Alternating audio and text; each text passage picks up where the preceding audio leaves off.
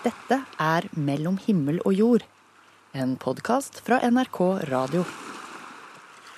Hei, hei. Margrethe Nåvik heter jeg, som skal gi deg et par timer risikofri radiodop. Helt gratis. Vi ser som vanlig på livet fra flere sider her hos oss. Mellom annet møter vi Inga, en kunstner som maler andres sorg på bestilling. Vi får også høre historien bak et sånt maleri, da. En kunde forteller, altså. Og så skal det handle om teknologi. Vi har snakka med en som har fått operert inn en chip i hånda si. Nå trenger han ikke å bry seg med å ta med adgangskortet på jobben lenger, for han har det i kroppen.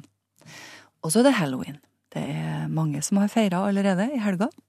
Men eh, risikoen for å få et sånt lite monster på døra, den øker ikke på noe særlig før i morgen. Men hva er det som trekker trekke oss mot det her og kle seg ut og skremme og bli skremt. What is that? The guy who uploaded this video said it was from a tape he found in the Black Hills woods. På fredagen så var det premiere på Blair Witch, oppfølgeren til en av de største kultfilmene gjennom tidene. Aldri før har det vært så mange skrekkfilmer på norske kinoer som i år. Og folk betaler gladelig for å bli skremt. Det er veldig skummelt. jeg vet ikke. Det er på en måte det er skrekkblandens fryd.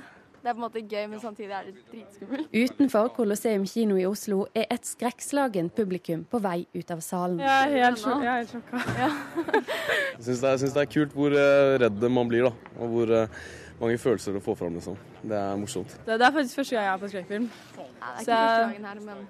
Det er første gang jeg er på skrekkfilm eh, som på kino. Og med det slutter denne kinogjesten seg til en lang rekke publikummere. Så langt i år har godt over 300 000 sett skrekkfilm på kino. Og de som er glad i sjangeren, ja, de får stadig mer å velge mellom. Det sier Guttorm Petterson, redaktør i Film og Kino. Antallet kino, eh, skrekkfilm på kino er større enn det har pleid å være. Eh, og Årsaken til det tror jeg nok er at det er en del nye distributører som har sansen for den sjangeren. Vi vet dere vil finne gutten deres. Er det noen som har forsvunnet? For hva er det som gjør at vi dras inn i saler for å bli vettskremt? Og hvorfor lar vi oss skremme av komiske plott med klovner, seksuelt overførbare demoner og monstre som klatrer ut av TV-skjermer? Det er blant spørsmålene Christer Bakke Andresen har forsket på. Han har skrevet doktorgradsavhandling om norsk grøssafilm. De lærde strides. Hvorfor trekkes vi mot å se noe som egentlig bør være en, altså neg noe negativt? Hvorfor liker vi det som virker som å være en negativ opplevelse?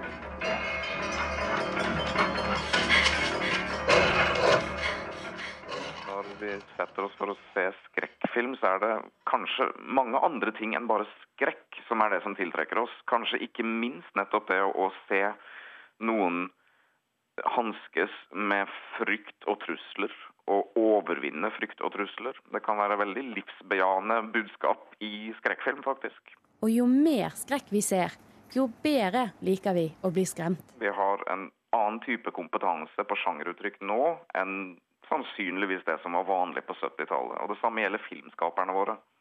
Så når Roar Uthaug lager Fritt vilt, så er han veldig bevisst hva han gjør for noe. Og publikum er i stand til å lese det han gjør, fordi vi er vant til sånne filmer. Vi skjønner hva de er. Hallo?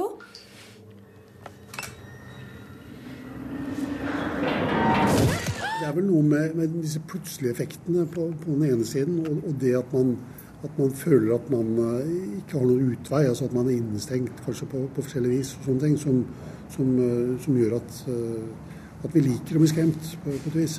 Dette ligger jo forstått også i norsk eh, tradisjon. Jeg tenker på eventyrene. Det finnes jo mye fæle ting der hvis man tar det litt bokstavelig. Så, så, jeg tror dette har vært i, i forskjellige kulturuttrykk til alle tider. Det, det har det nok. Skrekkulturen den strekker seg altså langt tilbake i tid. Og motivasjonen bak jakten på disse gyslige grøssene kan være så mangt. For en del av publikummet i Oslo så var kanskje litt fysisk kontakt det største målet for kvelden. Hvorfor går du på skrekkfilm? Uh, ja, ta, da, ta, med dama, ikke sant. Det er litt klisjé. Er det den beste datemåten? Ja, det er vel det. Hittil, i hvert fall. Filip André Johannesborg og Hanna Huglen Revheim var ute og snakka med folk som betaler for å bli skremt. Senere i sendinga skal det handle om eh, Samhain. Dette ordet har du kanskje aldri hørt før? Men eh, det er altså en av de hedenske høstfestene som halloween har sprunget ut fra, som heter Samhain. Følelser.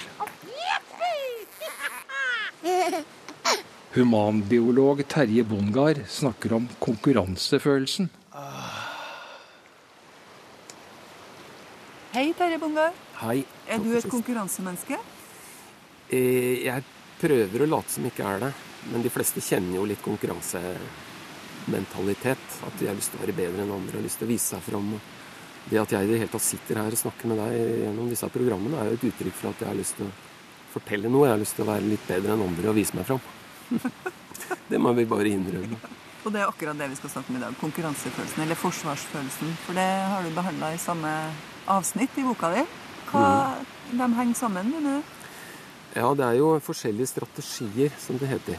Du kjenner det at eh, du liker ikke å bli forbigått og tråkka på.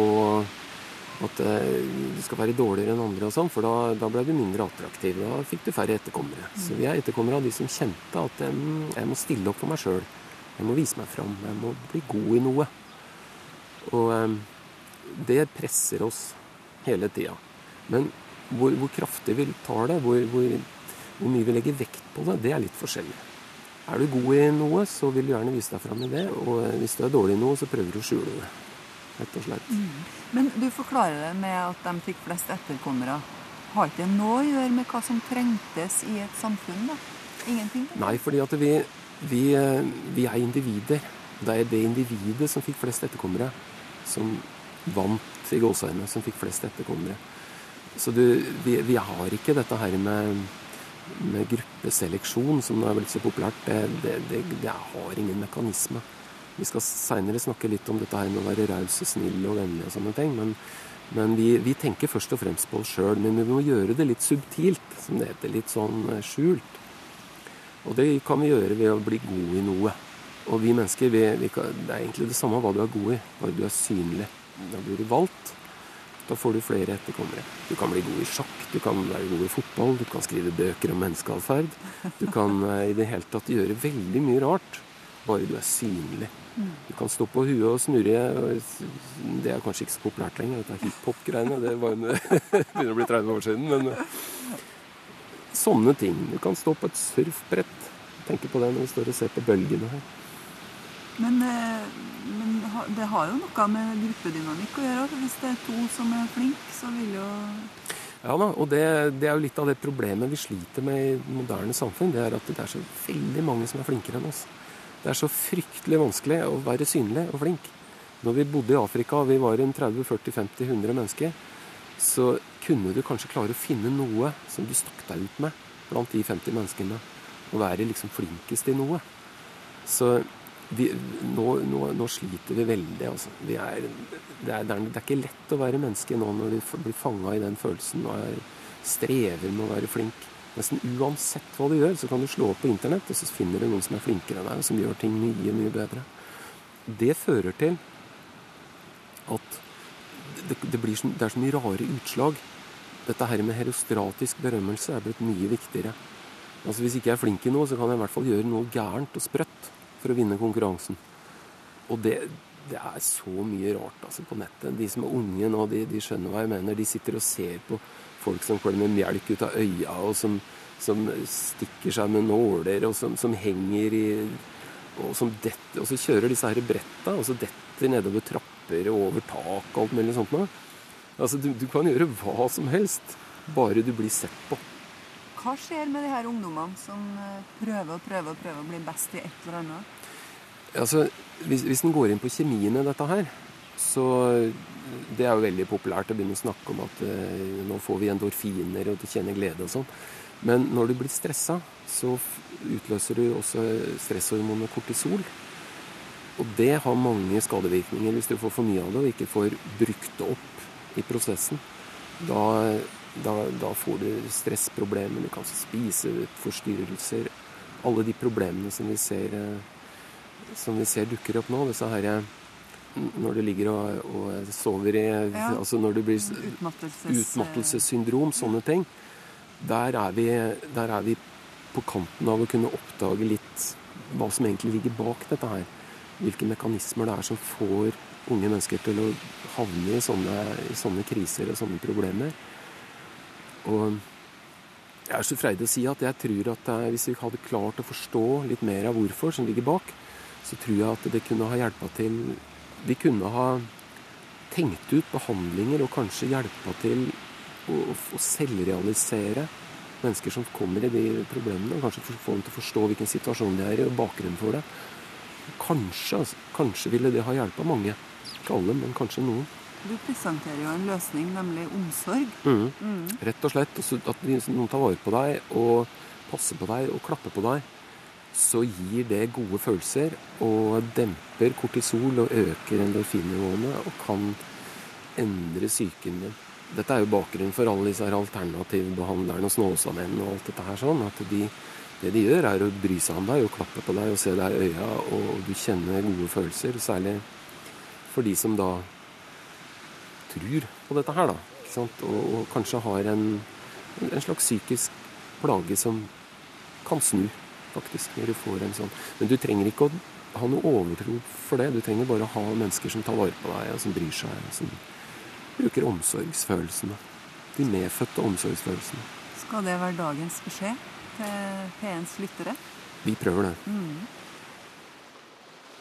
Mitt navn er Andreas Nordli. Jeg jobber i Ungdom i oppdrag.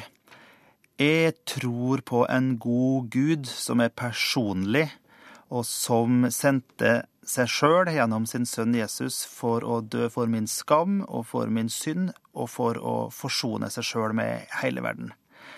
Og den guden som jeg tror på, den, han er god, og han er rettferdig, og han hater urettferdighet. Hva mener du med din skam? Nei, fordi at eh, vi gjør jo ting som er skammelig. Altså, jeg kan jo skammes over ting. Og eh, Adam og Eva gikk ut av hagen. De gjemte seg for Gud da de hadde spist av frukten på treet, og, og resultatet var jo ikke skyld. Den subjektive opplevelsen til Adam og Eva var jo skam, og de skamte seg for at de var naken. Og én ting er at Gud sender dem ut av hagen. Det Gud gjør i tillegg, er at han lager klær til dem og, og, dekker over deres skam. Så jeg tenker det at resultatet av Jesu død på korset er ikke bare at han på en måte tar vår skyld, han like mye at han, han dekker over min skam. Kan et maleri hjelpe folk i krise? Ja, kunstner Inga Dalsegg hun maler andre mennesker sin sorg og smerte på bestilling. Det har hun gjort siden tvillingsøstera ble drept for 20 år siden. Det er ikke mye som gjenstår her nå. Nei da, det begynner å nærme seg. Eh, Men det er alltid noe sånn finpussing da, som eh, må til, uansett hva man holder på med. Inga Dalseig står med malerpensel og et brett med farger foran sitt siste bestillingsverk. Øverst på maleriet er et lyshåra, harmonisk ansikt som speiler seg i et ansikt med mørke øyne og ropende munn.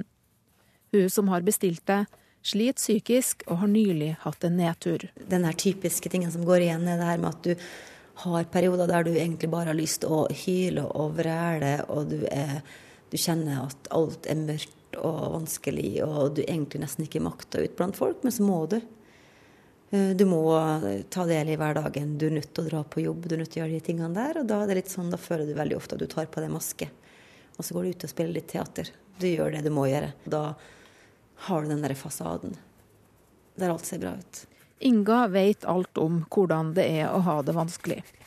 Den høsten hun fylte 22 år, ble tvillingsøstera Elin drept av en mann de begge kjente godt. Inga fikk diagnosen posttraumatisk stresslidelse etter drapet, og brukt kunsten som terapi.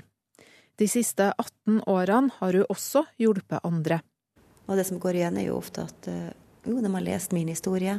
De vet hva jeg har opplevd, og de føler at de kan snakke til meg, for de vet at jeg forstår. Og da er det jo eh, Jeg har jo ofte fått eh, lange historier som går over, over flere år, med alle slags typer opplevelser da, som har vært vonde og vanskelig. Og det at jeg faktisk da kan hjelpe dem å bidra med noe jeg skaper, det er jo en fantastisk eh, verdi for meg. På en lys vegg i Kristiansund henger et maleri av to folda hender som prøver å løsrive seg fra et reip. Maleriet er bestilt av Øyvind Holten da han kjempa mot kreft som stadig kom tilbake. Inga valgte dette motivet fordi hun ville vise at selv når man føler seg tom, har man en indre styrke som gjør at man makter mer. Det har på en måte inspirert meg til å, til å fortsette å, å tro at man har ei, framtid foran seg, for å si det sånn. Ja, et symbol på det, da. Ja, hvordan da? Du får noe å henge hatten på, for å si det sånn. At man du fokuserer på noe annet enn det som du står midt oppi, og fokuserer på håp og tro, og at du da har et eller annet som er et symbol på at verden går videre, liksom, og du, du skal ikke gi deg. At det der bildet er jo utforma som en sånn frigjøringskamp, på en måte, fra noe som, som har plaga deg. Øyvind har vært kreftfri i tre og et halvt år nå, og nettopp det å vise at det er håp, er viktig for Inga når folk med annen alvorlig sykdom, psykiske lidelser, folk som har opplevd store tap og dramatiske hendelser, tar kontakt for å få malt et bilde. Er det noe dramatisk, så er det viktig for min del å ikke bare lage et bilde som er tungt og mørkt og dystert. Jeg mener det skal være et bilde, slik jeg ser det, som viser at ja, det kan være vondt, det kan være vanskelig, du kan være i avgrunn, men det er alltid håp. Altså For min del så er det viktig å male frem begge de sidene. Og vise at uh, man kommer seg ut av det. Uh, du har en indre styrke, du kan finne veien videre. Og det er jo uansett om det er snakk om uh, alvorlig sykdom, eller om det er snakk om død eller drap eller andre typer tap, så det er alltid en av de tingene som går igjen. da. Det at det vil jo også vise det at det er mer. Du kan bli glad igjen. Maleriet Inga Dalseig holder på med i atelieret sitt nå, er snart ferdig. De to ansiktene som speiler hverandre, mangler bare småpirk. Jeg må legge på en lasur eh, over noen tenner der, jeg må gjøre noe småtteri på ørene. Litt mer på håret. Kan hende at bakgrunnen skal endres litt. Hva håper du det maleriet her skal bety for den som har bestilt det? Jeg håper jo det at det skal være noe som gjør at eh, de kjenner seg igjen. da. Kjenner igjen at jo, sånn føles det.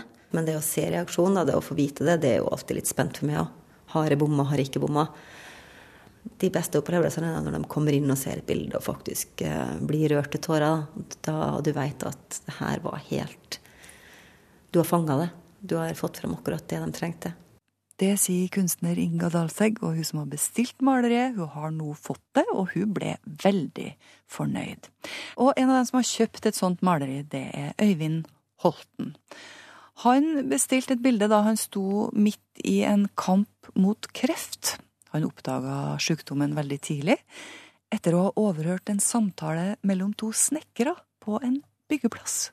Jeg bare hørte med ett øre med samme jeg gikk forbi ham, hvor den ene sier til kollegaene sine at uh, tror du ikke at uh, kjerringa pressa meg til å dra til legen, og legen fant ut at jeg hadde kreft i tykktarmen?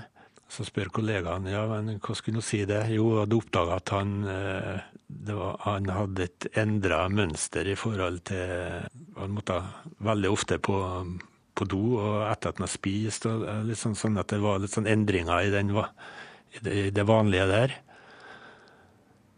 Og så begynte jeg å tenke at det hadde jo faktisk det, Der er jeg borti noe sjøl. Det, det ligna litt på det som jeg hadde gått og tenkt litt på. Den samtalen der lå i bakhodet på meg en måneds tid, og så dro jeg til legen. Og en måned etterpå så var jeg operert for kreft i tykktarmen. Da var det kreft til meg òg. Og hadde ikke jeg hørt den samtalen der, da hadde ikke vi to sittet og snakka sammen nå. Så enkelt er det. Hva tenker du om det? At det var så tilfeldig? Nei, jeg vet ikke om det Jeg er ikke religiøs på noen måte, også, men jeg begynner å lure på om det er noen som har passa litt ekstra på da, og sendt deg akkurat på den byggeplassen der den, den, dagen der. Det tenker jeg ofte på. Det er jo, det er jo, det er jo grunnen til at jeg sitter her, rett og slett. For siden samtalen mellom de to snekkerne fikk Øyvind til å dra til legen mye tidligere enn han ellers ville ha gjort, kunne kreften fjernes med en operasjon. Og han var på kontroll hver tredje måned på sykehuset etterpå. Sånn oppdaga han også tidlig at det var kreft i levra, i den ene lungen og i den andre lungen. Over en periode på nesten ti år ble han kreftoperert åtte–ni ganger, og nettopp fordi det ble oppdaga så tidlig, slapp han trolig unna lange perioder med cellegift. Og jeg hadde en sånn tilnærming til at eh, det skal påvirke meg minst mulig. Jeg skal fortsette å jobbe. Jeg skal komme i sivile klær med en gang jeg er ferdig operert og komme på jobb igjen. Og på en måte ha en litt sånn hva skal jeg si, litt sånn arrogant holdning til hele sykdommen. Det skal ikke påvirke deg. Og jeg har jo vært heldig at det har gått an å gjøre noe med det. Jeg hadde flinke leger, og kreftformen har vært sånn at eh, det har ikke liksom akselerert. Og, at, og jeg har aldri følt at jeg har trua meg på livet, sånn sett, da, men jeg har jo måttet leve med det. Men du har stått i full jobb eh, hele tida. Eh, hvordan Ja, har du klart det? har egentlig, nei, det har jo egentlig vært en sånn, eh, sånn målestokk på at det der, den sykdommen skal ikke ta deg. Eh, så stort sett så har det vært sånn at jeg lå inn på sykehuset en sånn fire-fem-seks dager. Og den dagen etter jeg kommer hjem, så er jeg på med sivile klær og så på, på jobb. Øyvind jobber som ingeniør og har altså ikke en fysisk krevende jobb. Men selv om han har hatt en arrogant holdning til kreftsykdommen, blir han skikkelig lei av nærmest å ha klippekort på operasjonsbenken på sykehuset. Etter den femte operasjonen bestemte han seg for å ta kontakt med kunstner Inga Dalsegg for å finne styrke og for å få avveksling fra sykdommen. Han fortalte om situasjonen han sto oppe i, og hun malte to folda hender som prøver å løsrive seg fra et reip. Bildet henger jo på en sånn plass at jeg ser det jo fra, fra lenestolen min, tenkte jeg å si, kontinuerlig hvis jeg løfter blikket.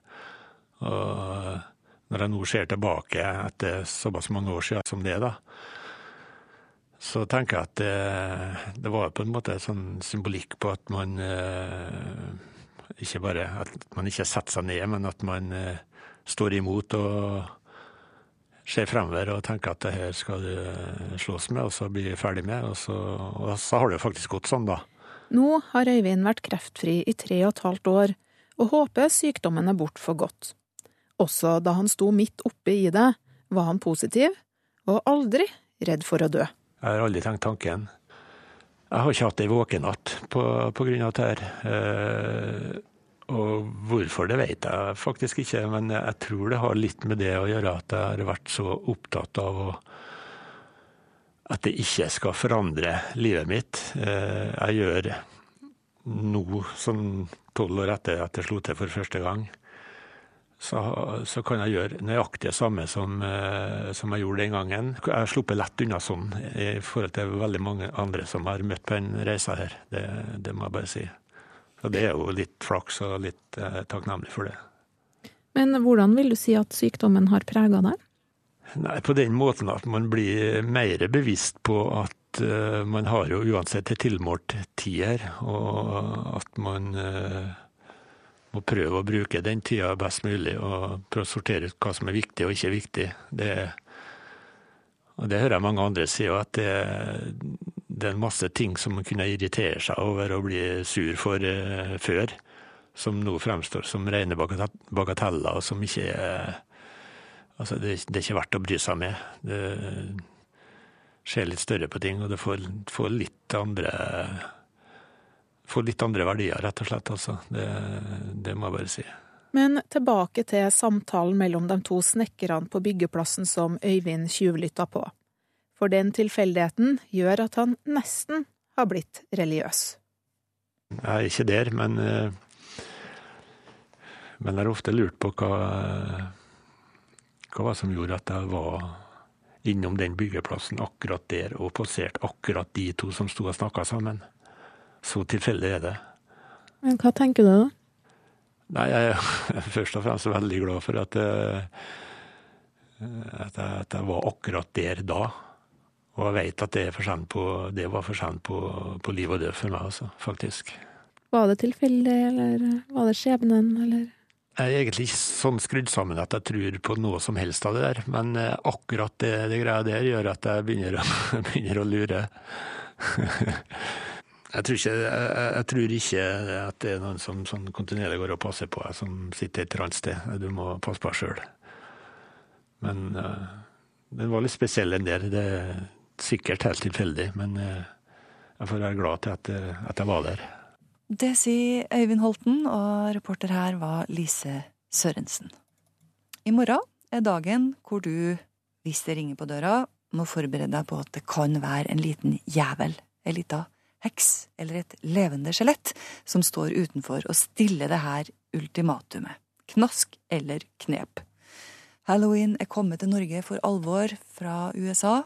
Til noens glede, til andres fortvilelse, men opprinnelig så var halloween en hedensk feiring her i Europa som het Samhain. Unni Vollum hun er 34 år, og hun feirer Samhain på sin måte.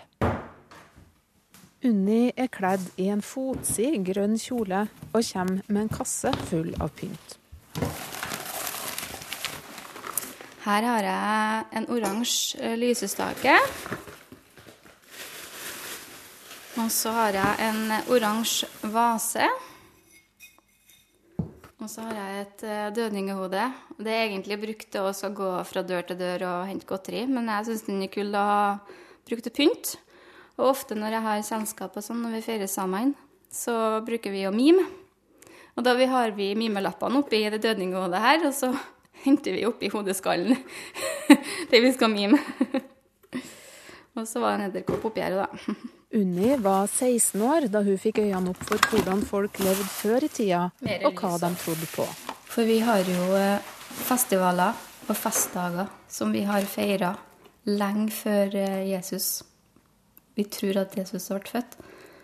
Og de festivalene de festdagene går jo på såing, innhøsting, månefaser, årstid, hedring av moder jord, da. Og det er jo det det her går på, det med samene. Det går jo på å hedre jorda vår og oss sjøl. For samene var jo regna som eh, dødens festival. Og det vil egentlig først si at vi hedrer og eh, setter pris på dem som ikke er med oss i sin fysiske kropp lenger. Og det er egentlig det jeg gjør på sammen, først og fremst. Til å være glad i å vise for meg sjøl og tenke på at jeg setter pris på dem som eh, har vært i livet mitt tidligere.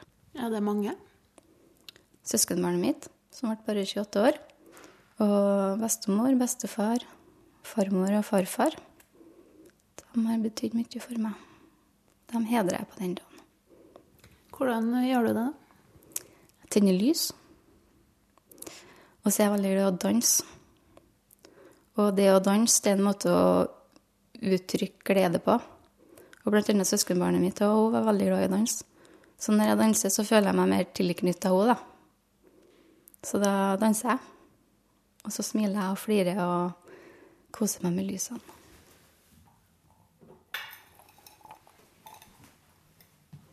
Lysestaker, dødninghode, edderkopper og vaser blir satt rundt omkring i rommet som pynt. Unni bruker å feste fest på Samhain, og da gir hun gjestene det de forventer. For eh, vennene mine er jo ikke helt der jeg er. De feirer jo ikke Samhain. De syns jo det er kult å se at det er pynta med edderkopper, oransje lys og svart og spindelvev og sånn. Så da gjør jeg jo det fordi jeg syns det er artig. Jeg digger å kle meg ut og pynte. Unni er på vei inn på soverommet for å finne en kjole i klesskapet til feiringa. Når vi kommer inn i rommet, begynner noen av spottene i taket å blinke. Hæ? Hva er det? for noe? Nå har vi noen med oss. Ikke vær redd. Hva betyr det? Hvorfor blinker jeg sånn? Det bruker å være sånn. Ja. Det var sikkert noen som er. Tror du det? Det er ikke bare pærer som er gående? Nei. Det er noen som er. Hvem nå? Jeg tror kanskje det er farmor. Ok. For hun likte å pynte seg og kle seg ut i fine kjoler. Så du er fornøyd med at du skal vise, meg, vise det frem? Da, Ja, det tror jeg faktisk. Hallo, farmor. Unni kaller seg hedning, for hun syns den norrøne betydninga av ordet passer veldig bra. En hedning var ifølge Wikipedia en nedsettende betegnelse på en bonde, en som bor på landet. Og jeg ser jo litt på meg sjøl som en bonde. Jeg dyrker grønnsaker, jeg har hage, jeg bor landlig. Så det er liksom første punkt på at ja, jeg er en hedning. Videre på Wikipedia står det at hedning er innen kristendommen en nedsettende betegnelse på en ikke-kristen person, eller en som har en annen tro enn kristendommen. En hedning kan òg være en som ikke tror på en gud, eller ikke bekjenner seg til en religion. Og det gjør ikke jeg. Jeg har ikke noen religion. Jeg har kun troa på meg sjøl og på naturen. Hvordan har du kommet fram til det? Jeg har jo aldri vært kristen. Og jeg har aldri følt at det her tilhørte noe tro heller. Fordi det bare føles feil å skal følge ordet i bok som noen andre har skrevet. Jeg bare tror på det å være i øyeblikket og bare nyte de små ting som skjer. De små magiene i livet. På kleshengerne i skyvedørskapet henger det flere lange kjoler. Det er jo en kjole jeg ofte bruker når jeg liksom skal kle meg ut som heks. Slutta, farmor. det er ganske irriterende. Og så slutta når du sa det, faktisk. Jeg er på sikkert å skru på. Jeg vet faktisk ikke hvorfor det er sånn. Det er kun på rommet her det er sånn. Og Men har dere sjekka lys på dem? det Mannen min sier at det ikke er noe galt med dem. Han jobber med elektronikk, så han, han vet det. Hvor mye betyr Samhain for deg? Um, egentlig så betyr ikke det så kjempemye. Det er egentlig bare én av de andre dagene. Men eh, på et vis så er liksom den dagen da jeg kommer på minner ifra dem som ikke er med meg lenger, som dukker opp. Og jeg føler at de er med meg litt ekstra den dagen. Jeg får høre stemmen til farmor. Jeg ser søskenbarnet mitt danse. Bestefaren min som sitter og løser kryssord. Det er liksom de minnene som dukker opp den dagen. Og da kjenner jeg da at de fortjener iallfall et lys. Og det er sammen for meg. Det er ikke sånn som halloween er i dag. Der du liksom skal kle deg ut og gå rundt på døren og be om godteri. Fordi om det kommer fra samene, for det gjør det jo. Men jeg tror ikke at samene var på den måten som halloween er i dag, da. Det er mer kommers halloween i dag. Den her òg er jeg veldig glad i. Det er en av favorittene, faktisk. Hvorfor det? Det er noe med fargen. Den er lilla, mørk lilla. Og så liker jeg de draperingene og det forskjellige stoffet og mønsteret. Den er litt sånn litt uh, middelaldersk, hvis du kan kalle det. Det syns jeg er litt kult. Så det blir den på samme år, eller? Ja, jeg tror det. Jeg tror faktisk det. Mm. Og Hvis du vil bli bedre kjent med Unni, så kan du sjekke ut bloggen hennes som heter Magisk liv. Mellom himmel og jord. Søndager fra 9 til 11. 60 minutes overtime. Some say you're programmed, others say you're spontaneous. Who says that? Sources. I've been waiting for you. Waiting for me? Not really, but it makes a good pickup line. Kvinnestemmen du hører her, tilhører en robot. CBS-programmet 60 Minutes har sendt på TV siden 1968, og i forrige uke så intervjua de denne roboten. Do you have feelings?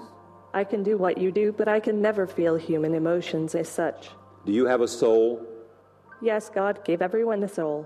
Det blir vanskeligere og vanskeligere å si hva som er maskin og hva som er menneske, og det her skal det handle om nå. Well, at least I think I'm sentient. I think therefore I'm right. I'm going to have to say goodbye. See you later, Charlie.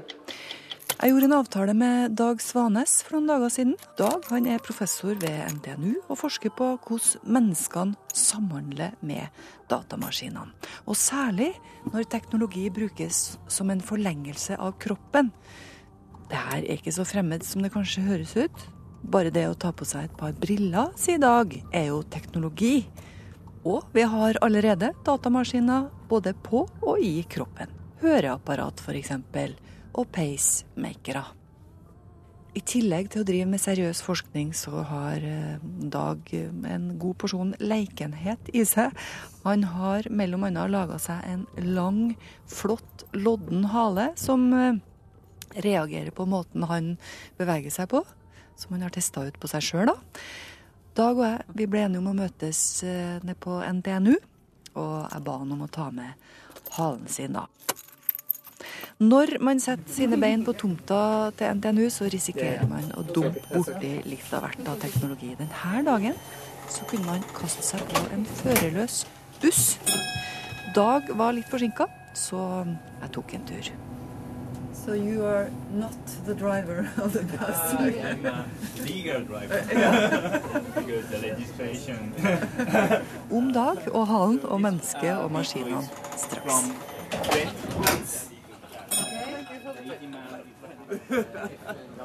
Hei. Beklager å være litt forsinka. Det gjør ikke noe, for da rakk jeg å ta den førerløse bussen. Ja, nettopp. Ok. Mm. Har du halen i, i veska? Her. Mm. Jeg møtte også Dag Svanes nede på NTNU. Han hadde med seg en plastpose med halen sin i. Så da, da vet jeg ikke helt om han har overlevd. Sånn Den passa jo veldig godt til klærne dine òg. Du er jo litt sånn grå Ja, den er litt grå, da. Det er litt sånn Mm. gråtass. Grå, grå. Det så jo faktisk veldig bra ut. Avhengig av om man er i godt eller dårlig humør, da. Ja. Så hvis man er litt sånn eh, litt deprimert, da, Litt lut i ryggen. så går, så, går, så går man liksom med halen mellom bena, da. Ja. Og så hvis man er litt sånn eh, fornøyd med livet, så, så, så går den opp, da. Og så kan man svinge på svansen, da. Ja, For at du ikke skal tro at Dag er helt tussete, så må jeg jo fortelle at han driver og forsker på skrittellere, pulstellere, ting som måler stressnivå og andre dingser som vi henger på oss. Hvordan reagerer kroppen på å ha denne teknologien tett innpå seg? Sånne spørsmål stiller han. Men så har han altså aldri slutta å leke. Han finner stadig på ting. Som når han lager haler da, og elefantører som han styrer med en hanske og sånn. Og studentene sitt interne teater her i Trondheim har hatt eh, glede av de her ekstra kroppsdelene til Dag. Ja, Hvis du har lyst til å se Dag og halen, så kan du gå inn på Facebook-sida vår. Der ligger eh, det her bildet som eh, vi tok. NRK Livet heter vi der.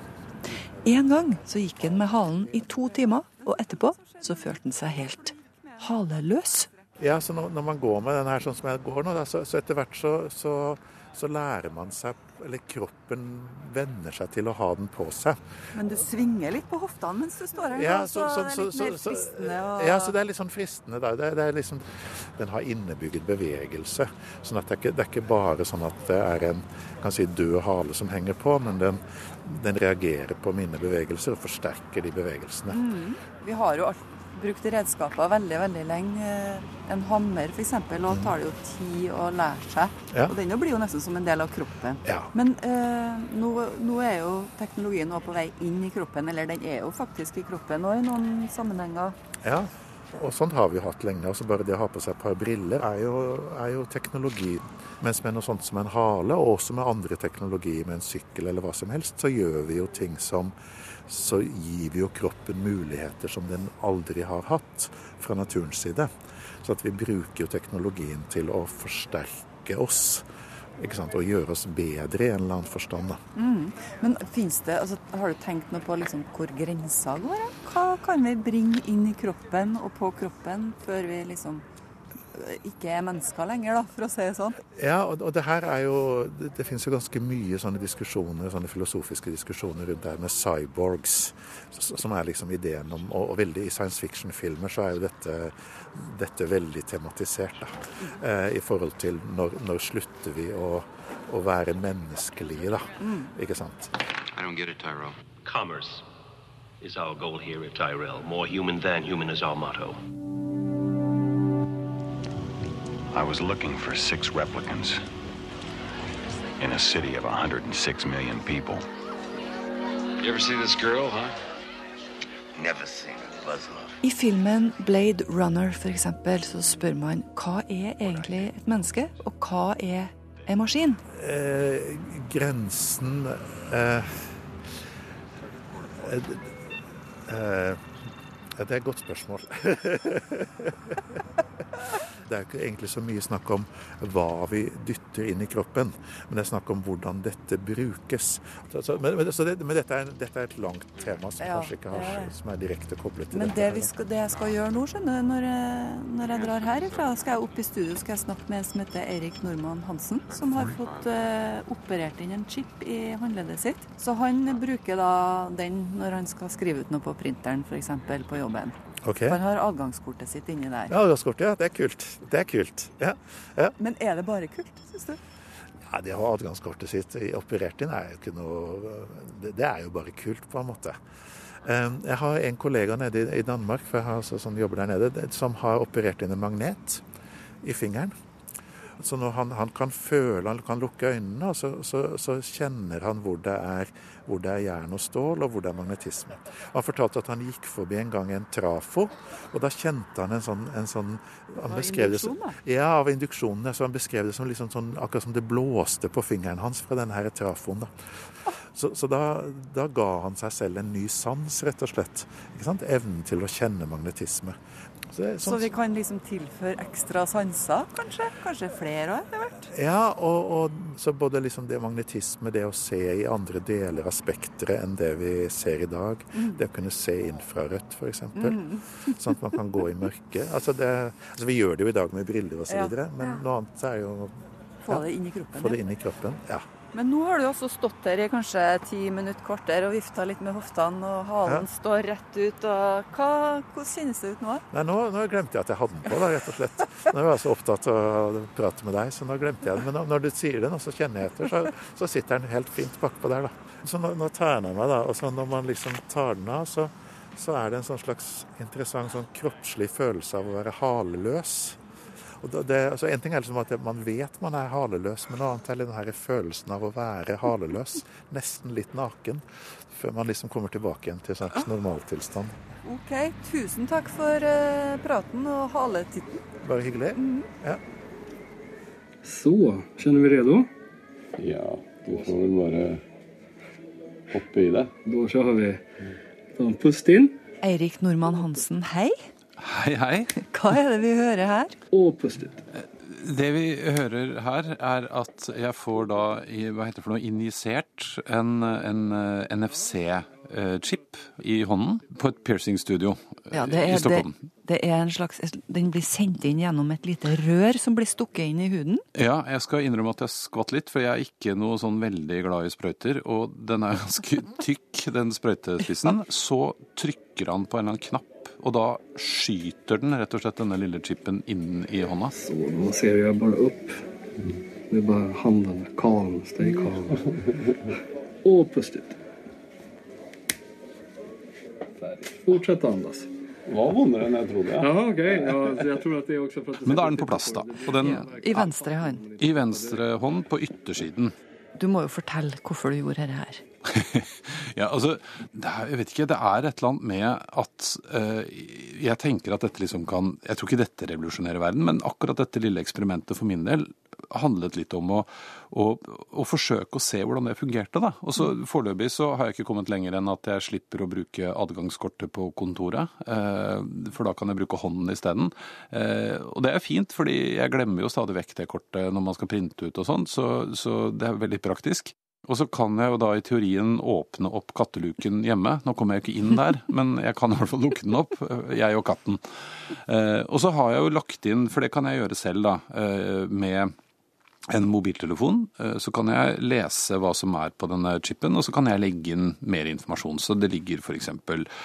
adressen til bloggen min og eh, litt sånn eh, sosiale nettverk som jeg er med i, og, og så ligger visittkortet mitt der. Så det kan jeg da dele med noen. Bare ta hånden inn til mobiltelefonen hvis man har sånn NFC-leser. Så kan de få eh, kontaktinformasjonen min, f.eks. Da skal vi prøve om dette svineriet funker. Nå står jeg på printerrommet vårt her i Grønna. Der- Eirik er økonom, men har alltid vært litt nerdete når det kommer til teknologi. Han var det han sjøl kaller en Commodore 64-gutt. Han liker å ligge i forkant. Eh, Så istedenfor nå å bruke eh, kort, så skal jeg da bruke hånden. Så får vi se. Sånn. Nå er vi inne. Det er kjempegøy. Og så hente dokumenter. Og der var printen min, og da er det bare å skrive ut. Og det er ganske morsomt. Men en ting jeg tenker på, for altså, er, den her fascinasjonen for teknologi, hva er det egentlig? Handler det om at livet skal bli bedre, liksom? Er det en tanke om at livet skal bli enda bedre? Ja, jeg tenker det. Og, og noen vil nok sikkert påstå at jeg både er litt naiv og, og, og litt uforsiktig til tider. Jeg føler vel ikke at jeg har så himla mye å holde skjult og hemmelig, så, så jeg er liksom ikke jeg er mer opptatt av alt det gode vi kan få til. Alt det fine, alt det praktiske, alt det verdifulle. Um, Så det, ja. Men sånn, jeg tenker, når jeg kommer hjem fra jobb om dagene øh, På jobben er jeg jo veldig påkobla, følger med på hva som skjer i verden, er tilgjengelig hele tida. Og så kommer jeg hjem og spiser middag, så legger jeg mobiltelefonen, som da er min kobling til verden, på kjøleskapet, på lydløs. Og så føler jeg meg avkobla. Mhm. Altså, kan jeg tenke meg, Hvis jeg hadde hatt en sånn skip, så hadde ikke jeg følt at jeg var helt avkobla. Nei, da kan jeg jo trøste deg med at dette er jo i utgangspunktet ikke noe særlig annerledes enn at du hadde glemt å ta ut adgangskortet på jobben av lomma. Og jeg regner ikke med at du av den grunn ville følt at du fortsatt var veldig påkoblet. Men jeg skjønner hva du mener. Eh, Og det er klart at hvis man føler at det er et veldig press, så er det en utfordring. Men, men dette er liksom en del av den verden vi lever i, da. Og jeg tror jo at valgfriheten eh, bør liksom få lov å komme først, da. Du, vi må jo snakke om kommentarfeltet. Altså, for det første så Det sto jo litt om eh, Altså, det var flere som, eh, som skrev i kommentarfeltet at de hadde en sånn chip. Ja. Men ja. så var det noen som siterte Bibelen, da. ja. Vi kan høre hvilket sitat han kom med. Det utvirker at det blir gitt alle, små og store, rike og fattige, frie og treller, et merke i sin høyre hånd eller på sin panne, og at ingen kan kjøpe eller selge uten den som har merket, dyrets navn eller tallet for dets navn. Hva, hva sier du om det? Nei, først og fremst så må jeg vel ærlig innrømme at min bibelkunnskap er litt rusten. Så eh, Men er det litt imponerende at det her var, Ja, jeg- var varsla? Nå hadde jeg veldig lyst til Jeg fikk jo veldig fort beskjed om at jeg ikke skulle henge meg så veldig opp i alle disse kommentarene, så jeg har jo da ikke vært inne og kommentert. Jeg har jo lest de med både eh, litt eh, hva heter det for noe, humor, eh, men også litt sånn, jeg blir litt overrasket over hvordan folk kan være. Men, eh, og jeg hadde lyst til å skrive at jeg har den ikke på høyre hånd, jeg har den på venstre, men eh, Nei, jeg vet ikke hva jeg skal si til det. Eh, Jeg tenker at det får de diskutere som har lyst til det. Men, men eh, det er en tanke om at vi blir overvåka her, da. At, Ja da. eh, ja, at, det, at det ligger en mulighet her for, for misbruk. Ja, jo, ja, det gjør det jo hvis den chipen jeg har implement, hva heter det for noe, implement, ja, under huden, Mm. eh, faktisk eh, hadde latt seg overvåke på den måten som de da tror at den kan. For den kan jo ikke det. Eh, Så akkurat det er jeg ikke så veldig bekymret for. Men, men i teorien hadde det vært en, en mer avansert eh, chip, og alle fikk det når vi ble født, og den til enhver tid eh, ga et signal om hvor i verden man befant seg og hva man drev med, så er jo det selvfølgelig en bekymring. Men på den annen side så, så i hvert fall sånn som det er i dag, så tror jeg man skal være mye mer obs på hva man bruker mobiltelefonen sin til, og alle elektroniske spor man legger igjen når man bruker da f.eks. denne chipen i en dør, eller nøkkelkortet ditt, eller betaler med bankkort og holder på. Eh, Det er nok lettere å bli overvåket den veien enn med den chipen jeg har i hånda. Så du har ikke tenkt deg at mobiltelefonen inni kroppen, da? Jeg, jeg kunne vel kanskje det. Helt åpen. ja, jeg, jeg vet ikke. Ja, jeg Jo, nei. jeg- jeg- Ser du for deg at du skal ha den chipen her resten av livet, eller? Uh, Tja, det har jeg ikke tenkt på. Ja, jeg regner med at den blir der en stund, i hvert fall. Margrethe Nåvik heter jeg, som har tatt deg med mellom himmel og jord i dag. Hvis du har eh, tilbakemelding til oss, tips, triks, knask eller knep, så kan du jo sende en e-post. Himmel og jord, krøllalfa, nrk.no. Hør flere podkaster på nrk.no podkast.